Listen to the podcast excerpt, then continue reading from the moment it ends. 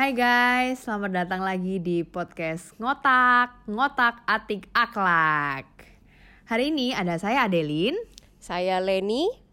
Kita berdua hari ini ada narasumber spesial. Iya, benar dia sekali. dari dia tuh lumayan inilah cukup terkenal di bidang startup perbisnisan. Wow, wow. Jadi kan wow, kalau wow, kita wow. lagi kayak corona corona gini kan semua kayak mau ngapain gitu bener, di rumah bener, ya. bener, Ini bener. kayak, Semuanya tiba-tiba jadi bisnis gitu ya. Nah, tiba-tiba semua jadi bisnismen semua. Tapi gimana sih sebenarnya cara jalaninnya itu ya? Ya, betul, Aduh, betul, betul, betul. Tapi ternyata banyak juga loh startup bisnis tuh yang bisa berkembang gitu. Iya nggak sih? Mm-mm, mm-mm, mm-mm. Mm-mm. Dan hari ini kita ada kedatangan narasumber yang oke banget nih. Dia dari human.id yaitu Ko Kevin Limanto. Halo Ko. Wow, halo. Hai hai hai Hai, semua. hai. Welcome, welcome. Thank you for having me. Iya, Yes. kita juga yang thank you. Iya, kita juga yang thank you sih sebenarnya. Iya. Dengan semua drama-drama sebelumnya ya ini perjuangan Bener, loh podcast bener. ini kali ini. Banget, Pertama kalinya kita podcast bener-bener di rumah masing-masing. Betul. Bener-bener pakai dua device. Uh-uh. Dan semua semuanya yang super rempong. Hmm. Oke, sekarang Kevin lagi di mana nih? Ya lagi di rumah dong. Lagi di rumah. Oh PSBB. iya tahu sih lagi di rumah. Maksudnya kita juga di ya, rumah kan? sih. Ini kan suka oh, nomaden sekarang nih, lagi nomaden di dia. Surabaya. Oh, Di lagi Surabaya. di sekarang Iya, lagi dari Surabaya. Stay di Surabaya berarti ya? Yep, bener. Udah stay di Surabaya. Oke, oke, Kevin tuh asalnya emang Surabaya berarti? Iya bener. Saya asalnya Asal- Surabaya. Hmm, asal Surabaya, sekarang stay di Surabaya dan lagi bikin startup bisnis nih human.id ini sebenarnya mulainya juga di mana sih? Benernya mulainya juga di Surabaya sih. Hmm, Bulan iya, iya, iya. Januari tahun lalu gitu. Oke. Oke, oke. Ya, jadi sebelum kita ngobrol-ngobrol lebih lanjut nih tentang human dot human apa tadi namanya? Human Human.id. human.id. Nah, sebelum kita ngobrolin lebih lanjut tentang bisnisnya eh, L ini, kita pengen tahu sih sebenarnya education backgroundnya L sendiri itu gimana sih? Jadi saya sebelumnya Mhm. eh, saya dari SMA, eh dari SD sorry di Surabaya Oke. sampai kuliah. Iya. Kuliah saya di Petra, ngambil jurusan accounting. Oh, oke. Oh, Oke, accounting. oke. Ya, accounting. setelah setelah lulus jurusan accounting, saya kerja sekitar satu tahun di perusahaan teman saya, and then saya ke Taiwan untuk belajar bahasa. Hmm. Di Taiwan Cinanya. saya setelah saya belajar bahasa, saya ambil S2, terus kerja di Taiwan. Oh, jadi pernah tinggal di Ya. Taiwan, kerja di Taiwan. Itu berapa lama? Bener. Di Taiwan sekitar 5-6 tahun kali ya. Wah, lima Oh, enam tahun oh, sih lama lama udah sih. jadi orang Cina nih bener-bener iya, lama loh. Lumayan, lumayan. Lancar nih berarti Oke. bahasanya. Sorry, tadi S2-nya ngambil apa? Tadi udah disebutin belum ya? Kalau S2-nya ambil MBA. Saya ambil MBA. Oh. Oh, emang bisnis. nih. Benar. Iya, heeh. berarti emang sengaja eh, ngambil itu untuk nekunin bisnis. Hmm. Enggak juga sih benernya. Jadi gimana tuh? Jadi ini maksudnya apa ya? Jadi kalau di kalau di luar negeri eh, kebanyakan yang negara Asia itu nggak ada MSc. Jadi MSc lebih kayak eh, misalnya jurusan marketing, master tapi jurusan marketingnya. Heeh. Tapi kalau dibanyakan di negara Asia, kebanyakan langsung MBA untuk bisnis. Jadi nggak ada spesialisasinya. Jadi saya ambil yang MBA deh terpaksa. Hmm. Bahkan saya benernya dari dari lulus kuliah kerja, terus saya tahu kok kok saya tertarik marketing ya ternyata. Saya Uh-uh. pengen ambil marketing tapi ternyata di Taiwan nggak ada. Jadi terpaksa ambil MBA. Kayak gitulah kurang lebih. oh, oke. Tapi tetap ada pelajaran marketingnya pasti ada gitu. Tapi lebih broad aja lebih luas. Oke, oke. Berarti memang waktu selesai setelah selesai S1 itu pernah kerja dulu di Indonesia. Itu di Surabaya. Benar. Hmm, kal- Benar di Surabaya. Oh, oke. Waktu pertama kerja itu di dunia perbisnisan juga atau hal yang lain? Jadi pertama kali setelah lulus kuliah saya diminta teman saya untuk bantu perusahaannya di perusahaan F&B. Jadi perusahaan F&B-nya ini dia punya banyak restoran di airport khususnya. Oh. gitu. Oke, oke. Benar, Ha-ha. saya jadi urusin yang bagian operasional. Ah, jadi waktu Meskipun Hmm. saya lulusan accounting gitu.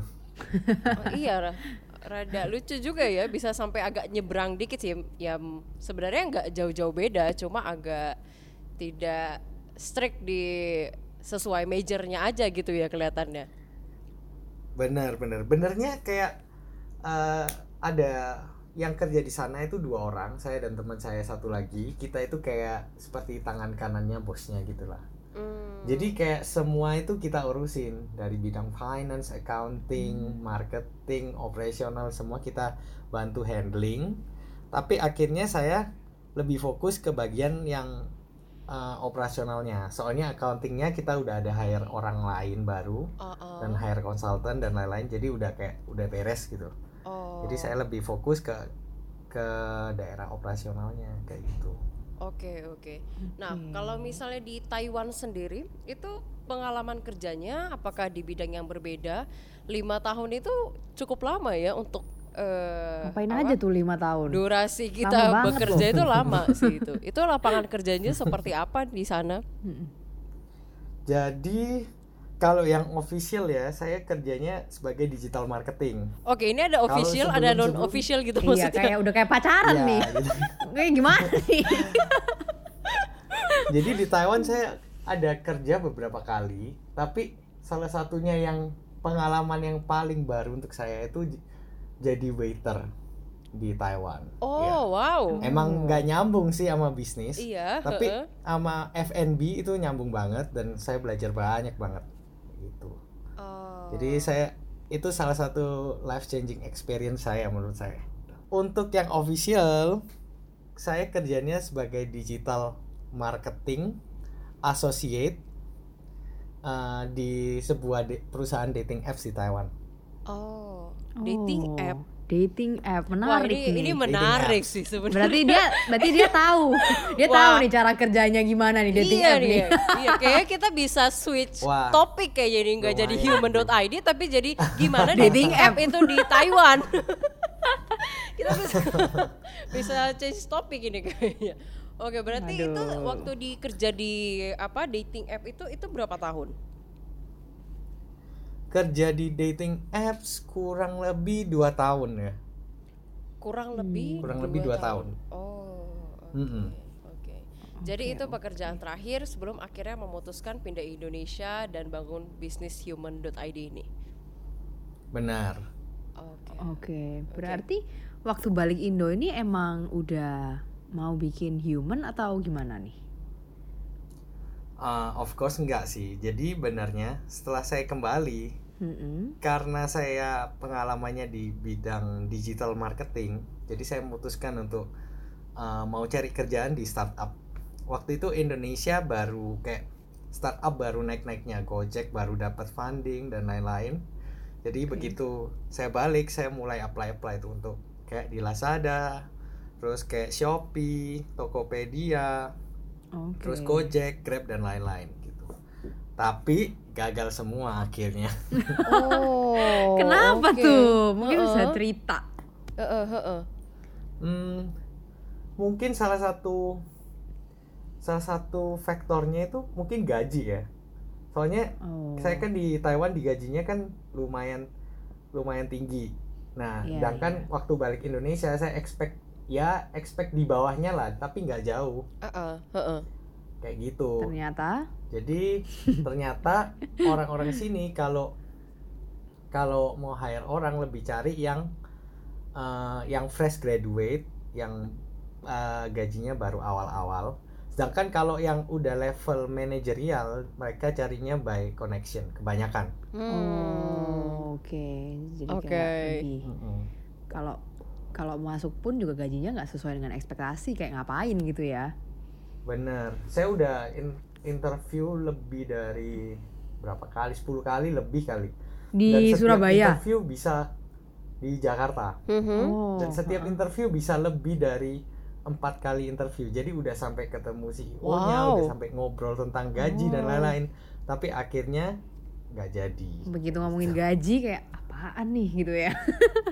Gak cocok. mungkin sih mungkin Oke oke. Jadi ini kenapa sih sebenarnya kok akhirnya memutuskan untuk bikin startup bisnis yaitu human.id? Mulainya kayak gimana dan pertama kapan? pertama it's out of boredom jadi kayak sebelumnya jadi setelah saya nggak dapat kerjaan nih Heeh. saya kerja di kantor mama saya which is Oh. consultant Oke. business consultant Business agak nyambung kalau itu nyambung Iya, dengan iya. Sama accounting. accounting ya, Ya, nyambung. heeh, heeh. benar terus karena saya basicnya mungkin kurang cocok di bidang peraccountingan itu jadi saya kayak eh, saya harus cari project lain nih kayak ngapain ya gitu. Yang sesuai dengan interest saya gitu. Oke. jadi eh, wak- suatu hari kayak nganggur-nganggur waktu saya hangout dengan teman saya kayak eh kok kenapa kita nggak bikin baju aja kayak gini? Dan saya dan teman saya emang pecinta anjing jadi kayak Oh. oke kita bikin sesuatu dong tentang itu jadi setelah itu kita ngobrol-ngobrol dan lain-lain jadilah human akhirnya Oke. Iya iya iya iya. Nih berarti kalau sepengetahuan aku juga aku kan itu lumayan ngikutin human dari lama nih dari awal-awal. Ya. Eh, kalau dilihat dari cerita-ceritanya nih, berarti kan sebenarnya kan emang semua teman satu tim human tuh kalau nggak salah ada berapa orang sih tiga ya, yang founder atau eh iya Benar, yang tiga orang. ini. Ha, tiga orang ini setahu aku emang kalian tuh udah punya job masing-masing berarti ya. Mungkin kalau kayak kamu tadi udah di eh, di consult bisnis consultant mamamu kayak gitu. Eh, mungkin aku nggak tahu yang dua lagi udah kerja apa, tapi why at the end kalian bener-bener mau full time di human gitu. Ya, ya. Mm-mm. Mm-mm. Eh, jadi aw- kalau partner saya yang satu jadi saya ada dua partner Mm-mm. Yang satu dosen dosen Waduh. fashion S2 Oke. terus kemudian yang satu kerja bisnismen bantuin papanya di bidang tembakau jadi kayak O- dia Oke. jual beli tembakau Wow. oke jadi emang agak yang nyambung cuma satu benernya yang yang dosen ini Iya iya iya. Karena fashion ya. Benar. Terus eh, ada suatu hari ketika saya di Surabaya, dulu saya punya sakit eh, kayak shoulder gitu, gara-gara jadi shoulder saya eh, dislocated gara-gara dulu eh, SMA kuliah itu main basket terus, jadi Oh. dislocated. Terus tahun itu saya memutuskan untuk mau dioperasi deh. Tahun 2019 waktu human udah jalan nih. Hmm. Jadi sebelumnya kan saya lagi kerja di bidang konsultan tapi akhirnya saya cuti untuk operasi ini. Oke. Oh. Setelah cuti, ya setelah cuti kan setelah operasi saya masih nggak bisa ngapa-ngapain selama beberapa bulan kayak jadi tangan saya cuma satu tuh basically tiga bulan kalau nggak salah tiga empat bulan tangan saya nggak bisa ya. digerakin sama sekali Wow. Bener Heeh. Jadi saya mutusin untuk fokus di human.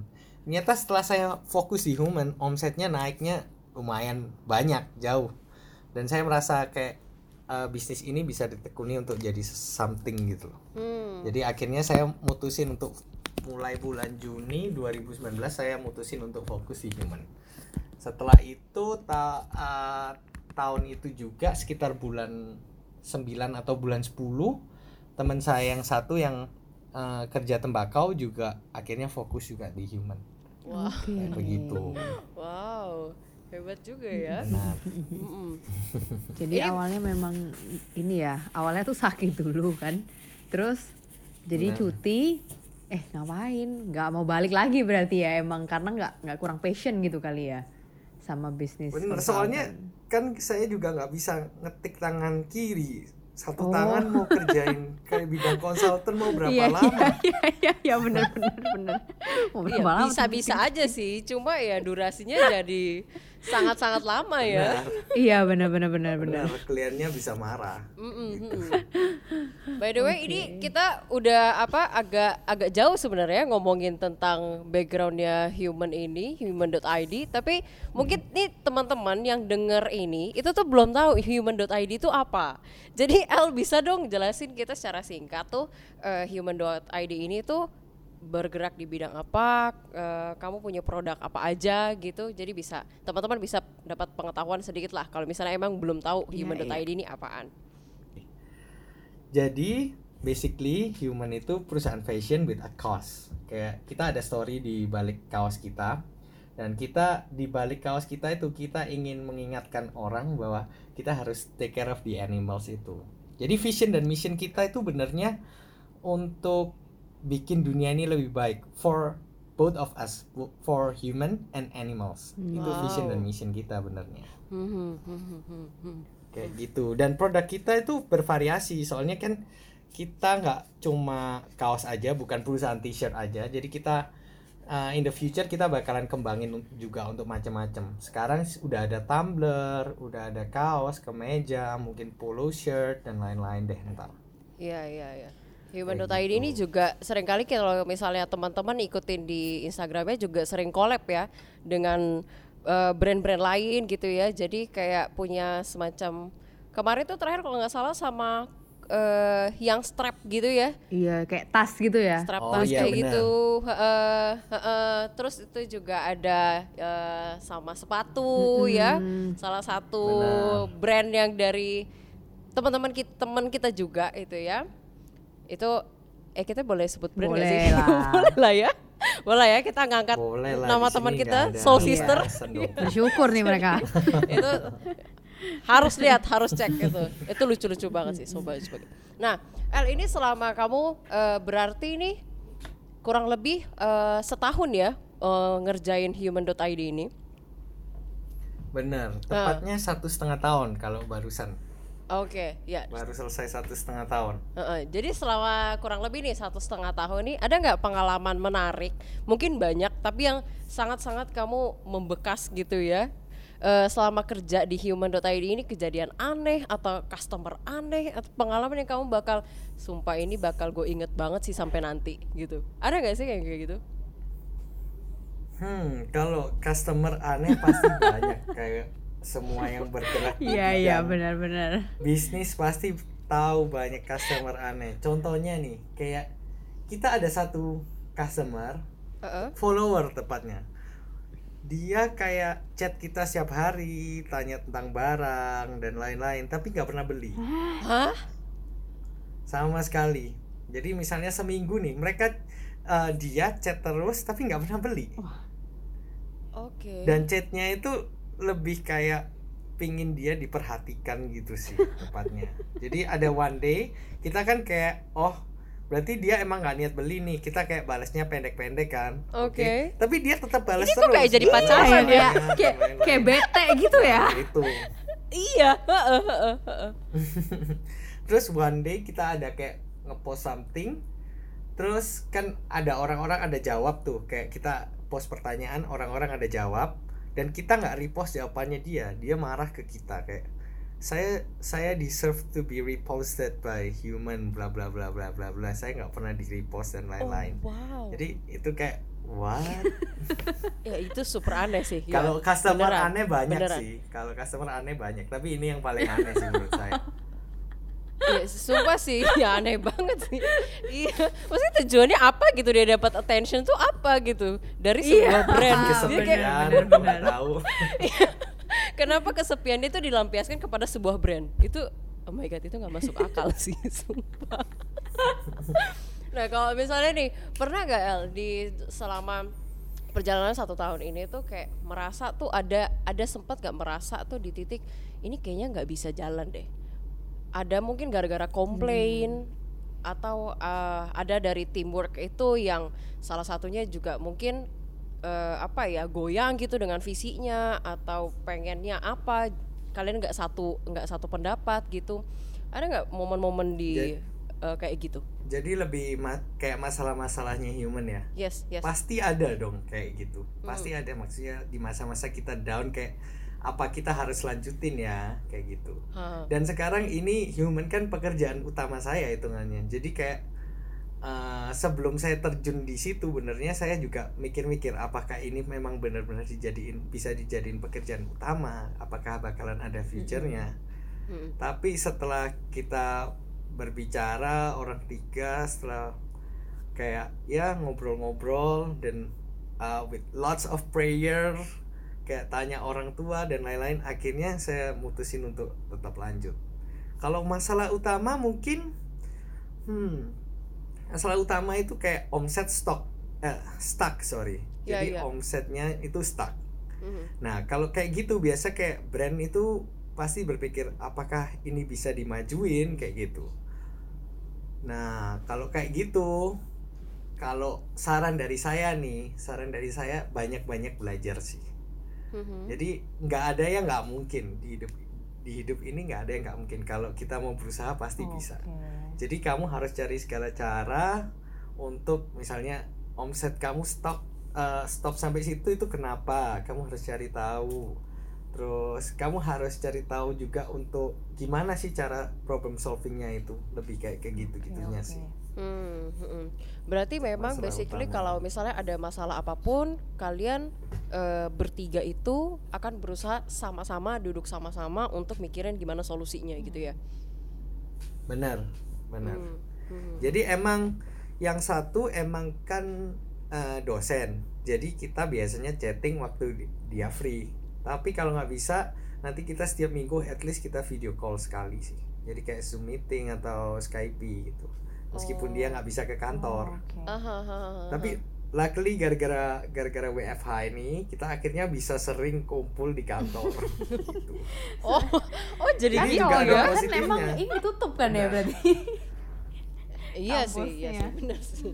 Oke, Hmm. berarti kalau dari Benar, human benar. sendiri itu waktu dulu pas startup itu gimana sih?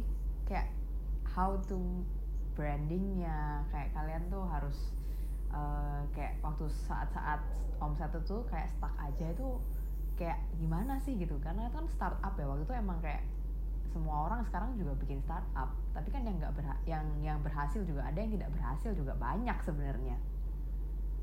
Betul, betul. Oke. Untuk memulai suatu bisnis, menurut saya kamu harus tahu pinpoint kayak strength kamu dan weakness kamu apa. Hmm. Jadi waktu itu kita tahu kayak strength human ini kita ada story, satu story yang dibawain. Jadi sekarang kan udah banyak emang kaos-kaos kayak yang kaos yang seperti kita, maksudnya yang kaos di bordir tentang binatang-binatang dan lain-lain. Tapi kita ada suatu story yang berbeda dari human itu, kayak tentang animalnya, tentang uh, kayak dog adoption or animal adoption, nggak terbatas sama dog aja sih benernya. Jadi sebelum mulai bisnis, menurut saya kamu harus tahu itu dulu gitu. Oke, berarti harus nggak cuman strength-nya doang ya, nggak cuman kayak story-nya aja yang kita oh iya tahu kita mau ini, tapi harus weakness-nya juga cara ngatasinya gimana tuh kita harus tahu ya berarti untuk startup ini. Benar, benar. Kalau nggak Hmm, pasti hmm, hmm. berarti kalah bersaing gitu kan ya. Iya pasti kalah bersaing. Iya. Tapi memang mungkin eh, tantangannya juga ya buat eh, human.id ini baru pertengahan tahun ini kan itu COVID ini datang dan itu mungkin eh, jadi jadi tantangan yang sangat besar gitu ya. Baru mulai bisnis eh terus ada pandemi kayak gini jadi kayak semuanya terbatas gitu ya. Nah, kalau misalnya human human.id ini sendiri eh, mendapatkan tantangan seperti apa selama pandemi ini? Hmm, selama pandemi ini. Jadi Ya.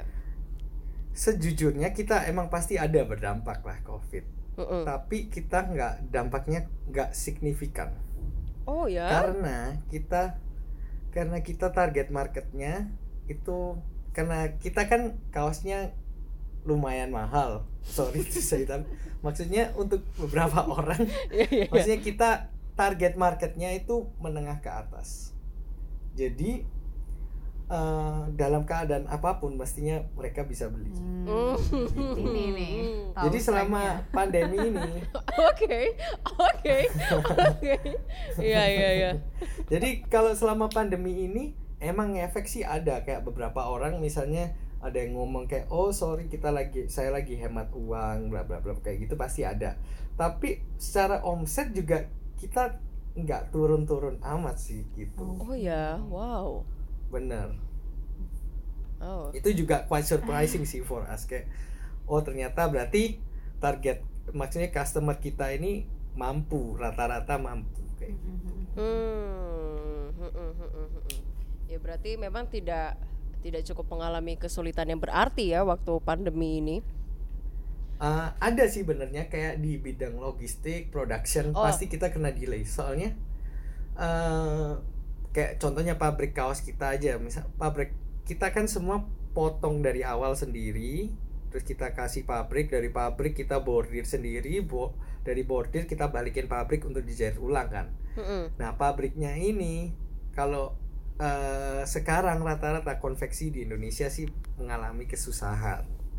Jadi mereka bukanya itu setiap ada pro- mass production gede. Jadi Hmm. biasanya mereka kumpulin nih. Kayak oke ada order ini ini ini ini ini kita jalan satu minggu doang. Mm-mm. Jadi mereka nggak buka setiap hari. That's why kita pasti delay kayak gitu. Oh. Sedangkan kalau kita human kan kita buatnya nggak langsung kayak sepuluh ribu, dua ribu gitu kan. Jadi kita Mm-mm. harus Tunggu kita gitu ya. harus gabungin sama orang-orang lain ini, tunggu ini gitu, benar. Oke, oke, ya, ya, ya. Nah ini kalau ngomongin tentang membangun sesuatu yang baru, nggak hanya bisnis ya, tapi kayak membangun kehidupan yang baru. Pokoknya membangun sesuatu yang baru tuh kita pasti punya eh, journey tersendiri yang di mana kita bisa lihat bahwa eh, God works, God works di situ. Nah kalau misalnya kita nih, eh, aku nanya secara pribadi nih ke El, selama kamu build up bisnis ini, gimana sih eh, spiritual journey-mu sama Tuhan? Apa yang kamu rasain? Ada ada nggak pengalaman yang memang kamu lihat bahwa ini kalau bukan Tuhan nih, ini nggak Iya, bakal nih benar. kejadian, nggak bakal nih gitu. Itu ada nggak momen kayak gitu dan kamu melihat bahwa ini bisnis ini juga dipakai dipakai Tuhan sebagai eh, sebuah sebuah konteks untuk kamu mungkin closer with Him atau gimana? Eh, kalau itu pasti of course ada. Jadi to be honest kayak saya sekarang ada di mana saya sekarang ini semua gara-gara Tuhan nih. Dari yang hal yang buruk-buruk sampai yang baik-baik. Ya. Jadi kalau saya dulu diterima di startup di Jakarta, saya nggak bakal ada human ini. nih. Oke, benar. Ha, right, human ini right. nggak mungkin jalan kan. benar dan benar kalau benar. saya dan kalau saya dulu di Taiwan saya nggak bekerja di bidang digital marketing saya juga nggak mungkin ada pikiran untuk berani buka human. Soalnya menurut saya untuk buka sesuatu kamu yang paling penting itu cara menjualnya dong pastikan cara masarinnya. Sedangkan saya dulu di Taiwan saya dapat skill-skill ini. Jadi skill ini ditambah saya nggak diterima di startup oke deh ya udah kayak saya kerja di konsultan di konsultan bosen terus akhirnya saya coba human eh ternyata jalan kan. Mm-mm, mm-mm. kalau nggak dari Tuhan nggak mungkin dari Berarti kalau nggak mana dong dislocated ini? juga juga nggak nggak human betul. iya Kalau benar nggak dislocated Benar, kan benar. nggak cuti Benar. ya, benar kan? mungkin saya nggak serius di situ benar.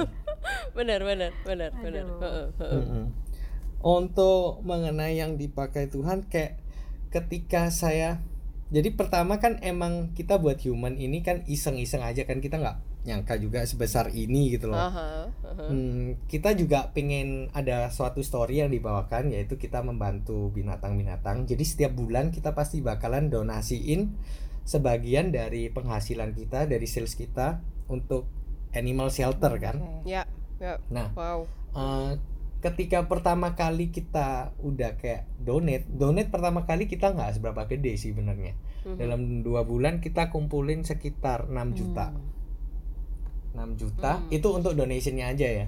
Untuk untuk donationnya ada sekitar 6 juta. Waktu kita ke sana kita bawa bantuan makanan, bantuan uang gitu kayak eh kit- kayak saya merasa wow I'm blessed to be a blessing for somebody gitu loh. Wow. Dan kalau eh, kalau semua ini bukan rencana Tuhan saya nggak mungkin bisa bisa jadi blessing seperti ini kayak gitu. Oke. hmm.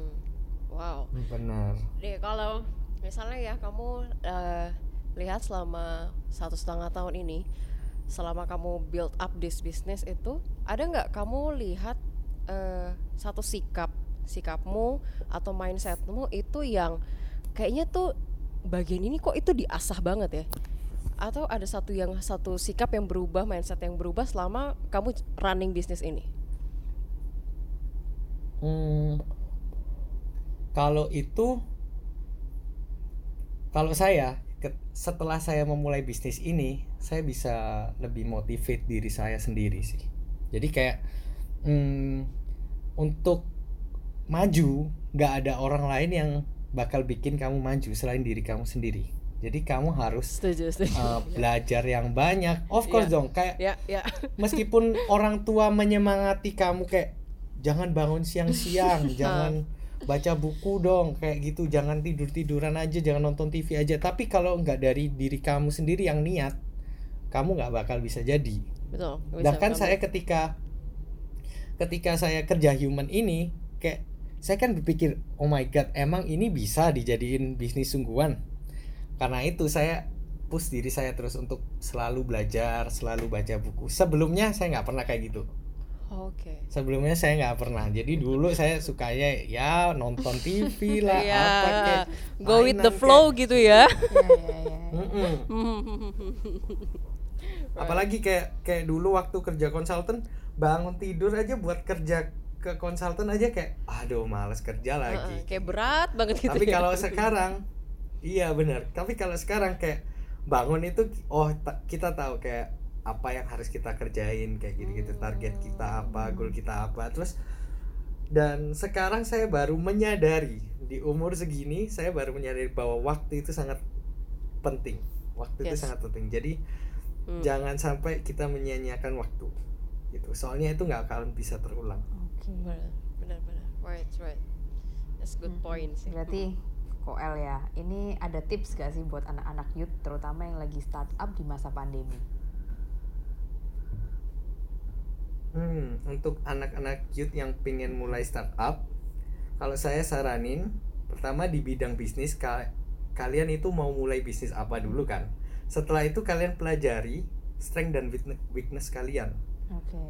Mhm. Jadi eh, kalau kalian sendiri nggak tahu strength kalian apa, kalian nggak mungkin bisa bersaing dong di bidang, maksudnya di bidang itu yang bakal kalian jalanin. Iya, iya, iya. Oke, terus Ya. yang kedua selalu push diri kalian terus push soalnya ya itu tadi saya bilang nggak nggak bakal ada orang lain yang mau bantuin kalian kecuali kalian berusaha sendiri Mhm. itu jadi salah satu masalah yang paling penting juga untuk startup itu kita kan semua bootstrapping. Jadi bootstrapping itu semua pakai modal sendiri kan awalnya. Nah kalau karena itu kita harus hemat-hemat budget kita dong. Karena itu kita kebanyakan semua pekerjaan dikerjain sendiri. Nah itu masalah utamanya juga di startup awal-awal. Karena benernya kita bisa kasih itu ke orang lain kalau dananya udah banyak ya. Bisa diserahin ke, ke orang lain. Misalnya contohnya admin, graphic design, videographer, fotografer semuanya itu bisa diserahin ke orang lain. Tapi karena startup jadi kita harus menghemat semuanya. Jadi it- itu kita sekarang semuanya kita kerjain sendiri. Tapi sekarang udah satu setengah tahun jadi kita udah mulai hire orang udah mulai pakai eh, desainer udah pakai desainer grafik dari luar dan lain-lain. Tapi kebanyakan masalah utama dari awal untuk startup itu sih pasti budgetnya. Karena itu kebanyakan semua bootstrapping sendiri. Jadi karena kita bootstrapping sendiri kita harus belajar banyak banget. Kita harus belajar cara foto kita harus belajar cara desain. Eh, skill-skill yang sebelumnya kamu nggak pernah tahu kamu perlu itu kamu harus belajar. Selalu belajar. Soalnya sekarang resource di mana-mana sih di Google di YouTube Iya, benar. itu semua cuma permasalahan kalian mau apa tidak aja Males apa Seperti enggak gitu ya? Iya. benar malas apa enggak itu. Kadang-kadang bayangin setiap waktu kita nonton TV kalian gunakan untuk misalnya dengerin podcast atau denger ba- dengerin audiobook baca buku kalian pasti jadi orang yang berbeda jauh banget betul betul Kayak betul gitu. betul mhm, mhm, benar mhm. apalagi memang waktu pandemi ini itu godaannya banyak ya. Kayaknya mau banget. kerja bingung Benar. mau kerja apa, mau nonton kok nonton terus. betul Jadi akhirnya kan malah benar benar kebanyakan ini stuck gitu. makanya mungkin kalau anak-anak itu harus dikasih Kalau saya ya. jujurnya, Mm-mm.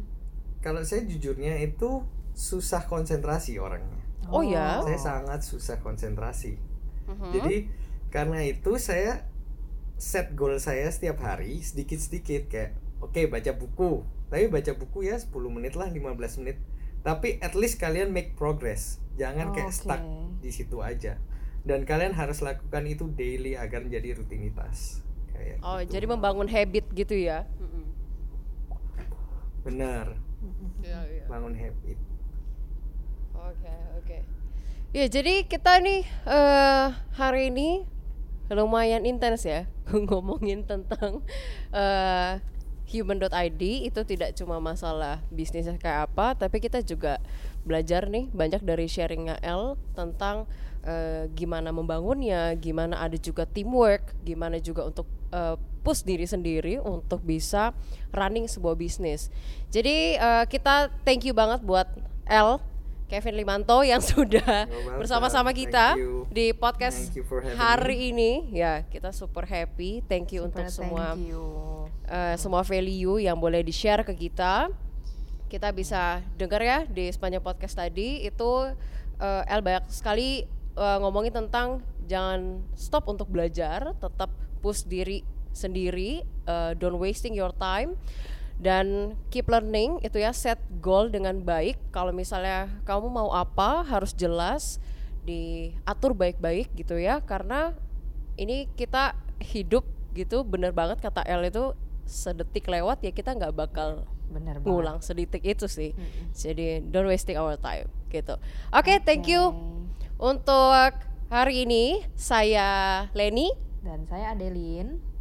Kita pamit and see you guys. Bye bye